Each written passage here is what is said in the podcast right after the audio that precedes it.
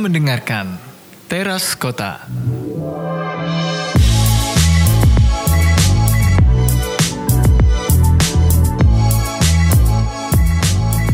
Yeay, balik lagi di teras kota soal kota soal kita, cie, gila, keren gak tuh? Nah, eh, hari ini menjadi eh, edisi kedua dari teras kota ya. Nah, bagi teman-teman atau listener yang belum belum dengerin edisi pertamanya teras kota, aduh sayang banget.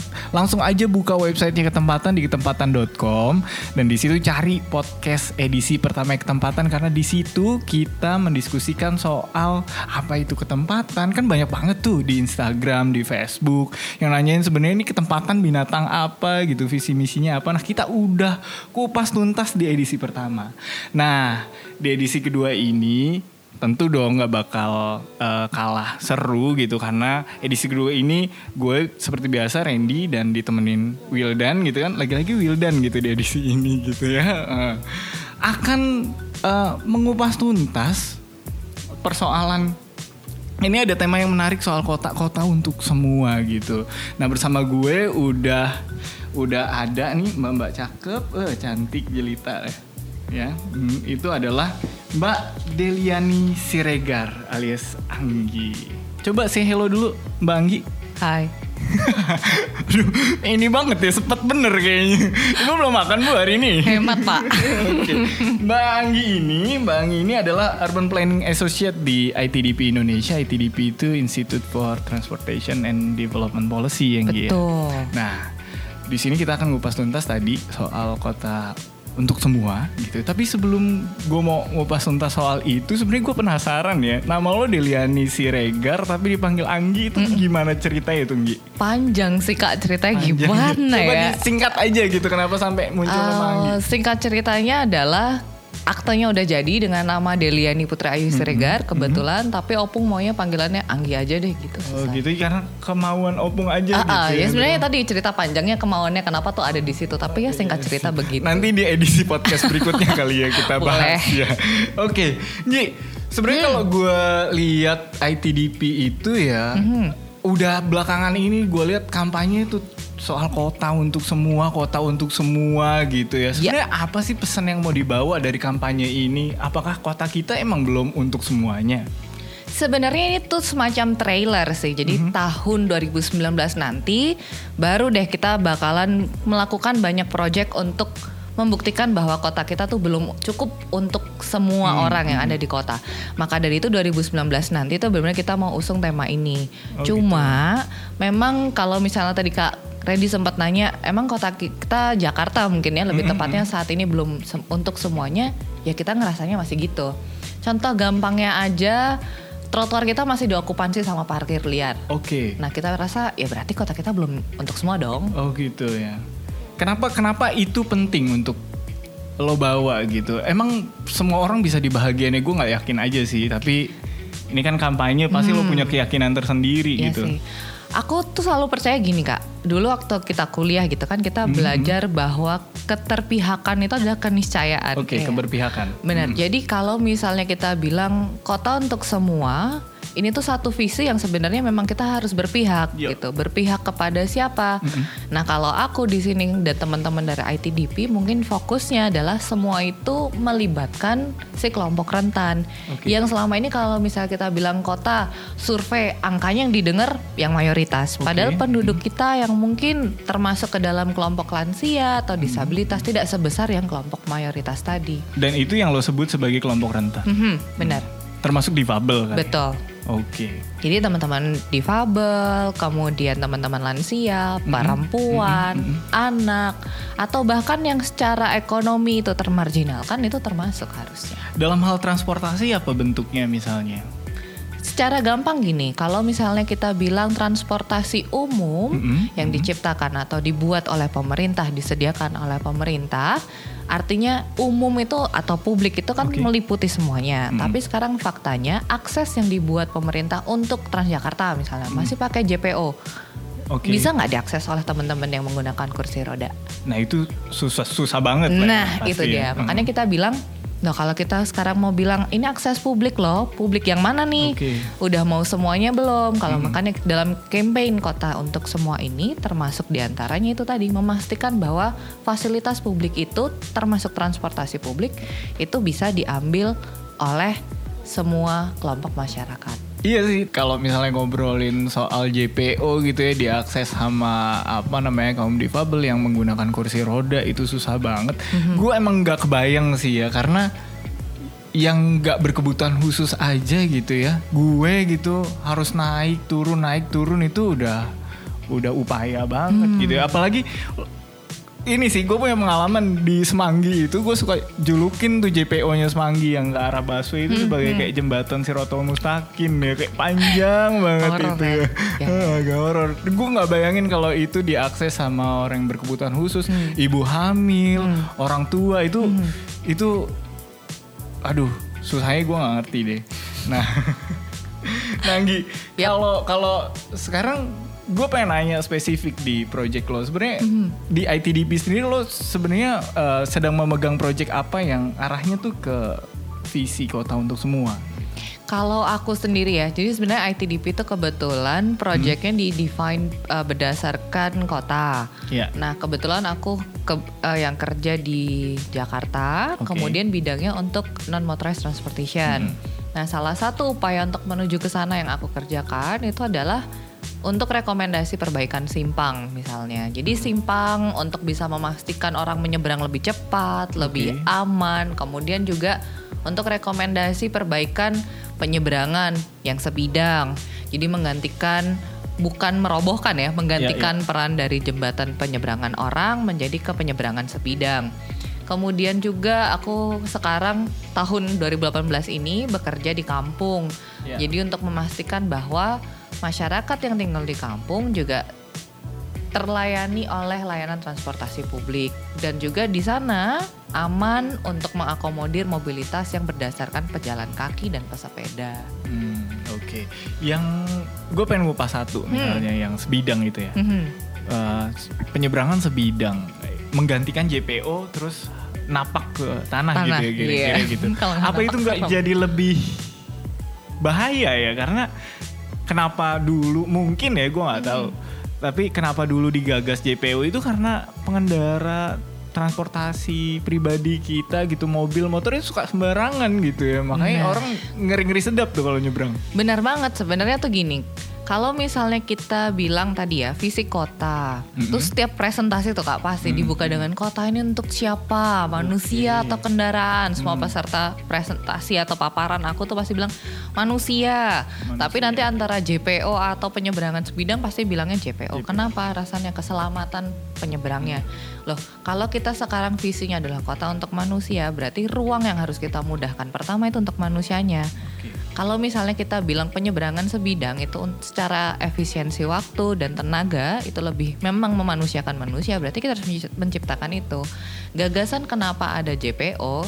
Kalau kakak lihat nanti ada sa- salah satu video lah aku lupa judulnya apa menceritakan bahwa sejarahnya JPO itu dibuat karena ada victim blaming di situ. oke Ada kasus kecelakaan tak beberapa tahun yang lalu di satu negara di satu kota. Nah, kecelakaan itu uh, membunuh seorang anak yang Oke. menyeberang jalan. Nah, saat itu si ibu minta keadilan dan entah kenapa ada salah satu apa ya? Terselubung kayak persetujuan terselubung yang menyatakan bahwa kita nggak boleh mematikan industri kendaraan mobil utamanya.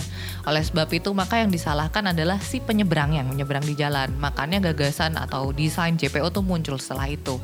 Nah sekarang kalau kita mau memfasilitasi pengguna kendaraan atau kendaraan yang menguasai jalan ya JPO jawabannya. Tapi kalau kita mau balik lagi untuk memanusiakan manusia yang tinggal di kota ya kita mau harus mau menerima bahwa penyeberangan sebidang itu jawabannya.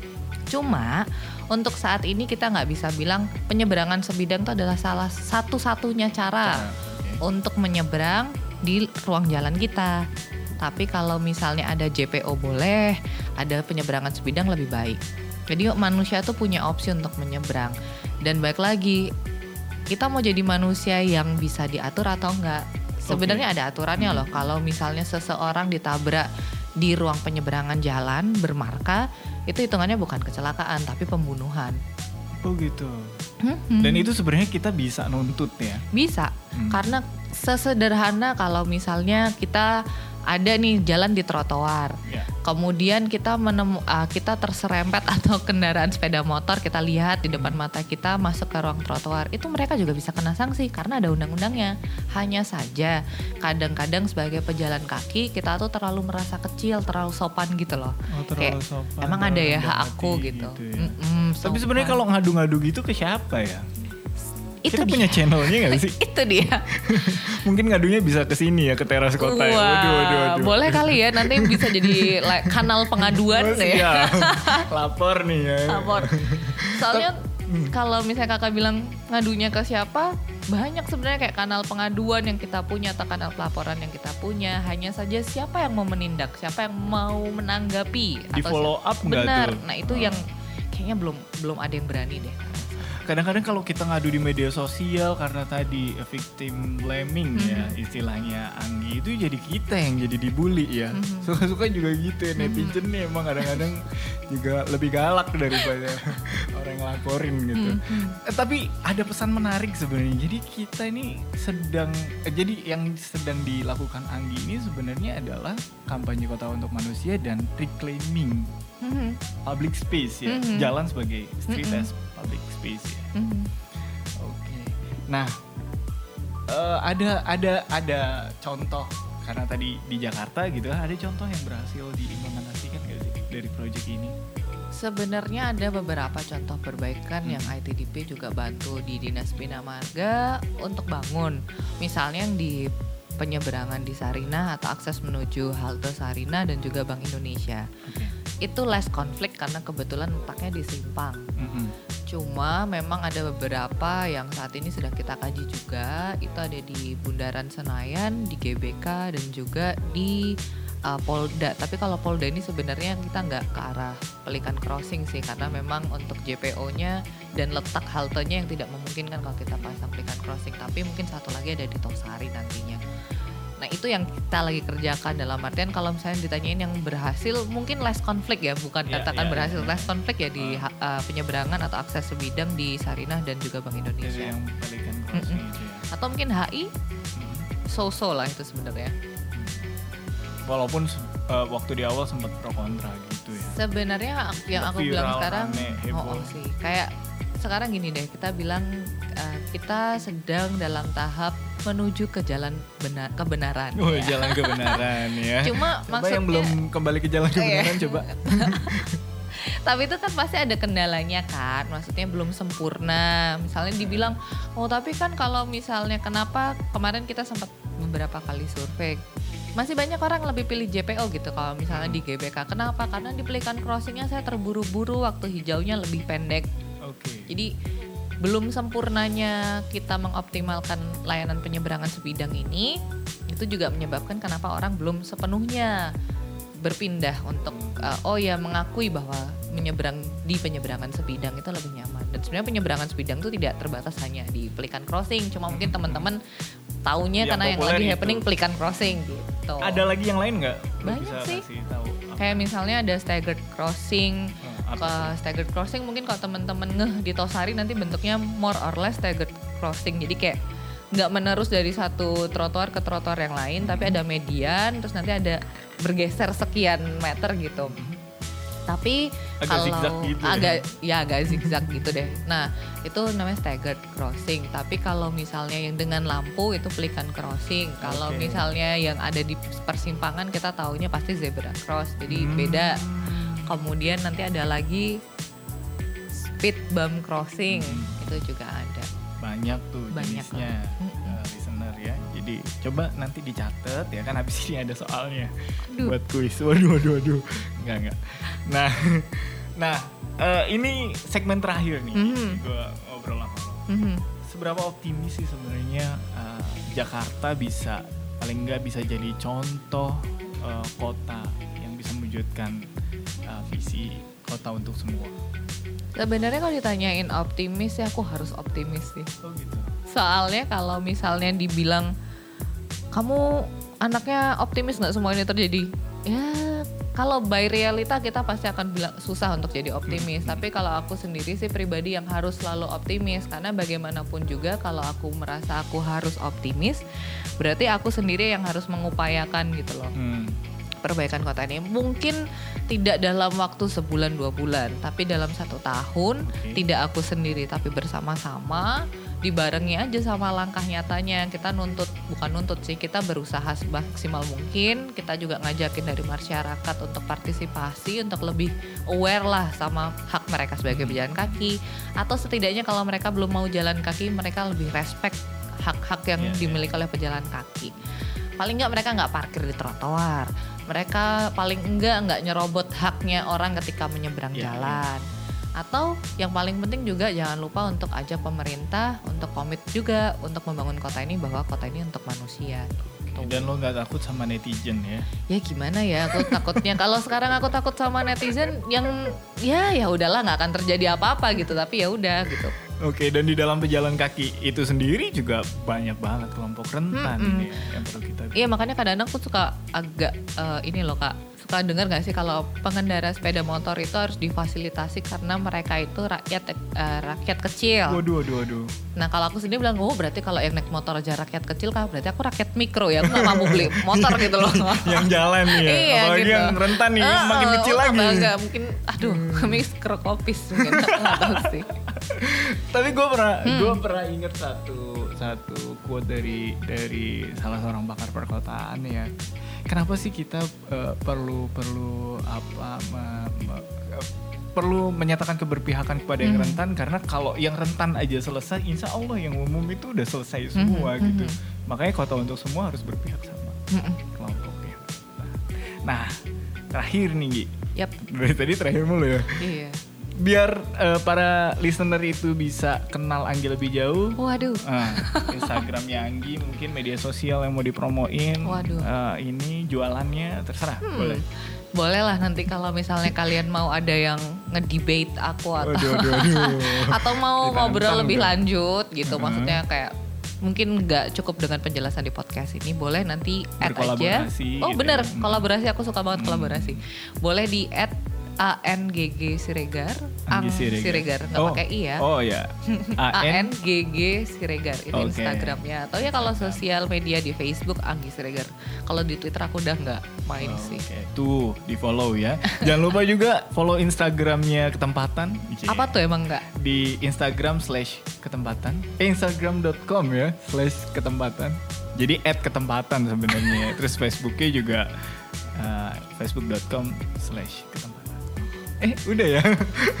Udah Anggi makasih banyak loh Anggi loh. Sama-sama. aduh malam-malam. Oh iya satu lagi. Ini kita siarannya di IPDP loh. Yeay, jangan lupa main ke kantornya ITDP ya. Nah, mencerahkan banget dong penjelasan Anggi soal kota untuk semua. Terakhir, buat para listener yang punya ide nih buat podcast berikutnya, yuk monggo DM aja langsung di IG kita di ketem at ketempatan, FB kita di ketempatan, atau di email kita di ketempatan gmail.com. Akhirnya gue Randy, Wildan, dan Anggi pamit di podcast hari ini. Teras Kota, soal kota soal kita. Bye.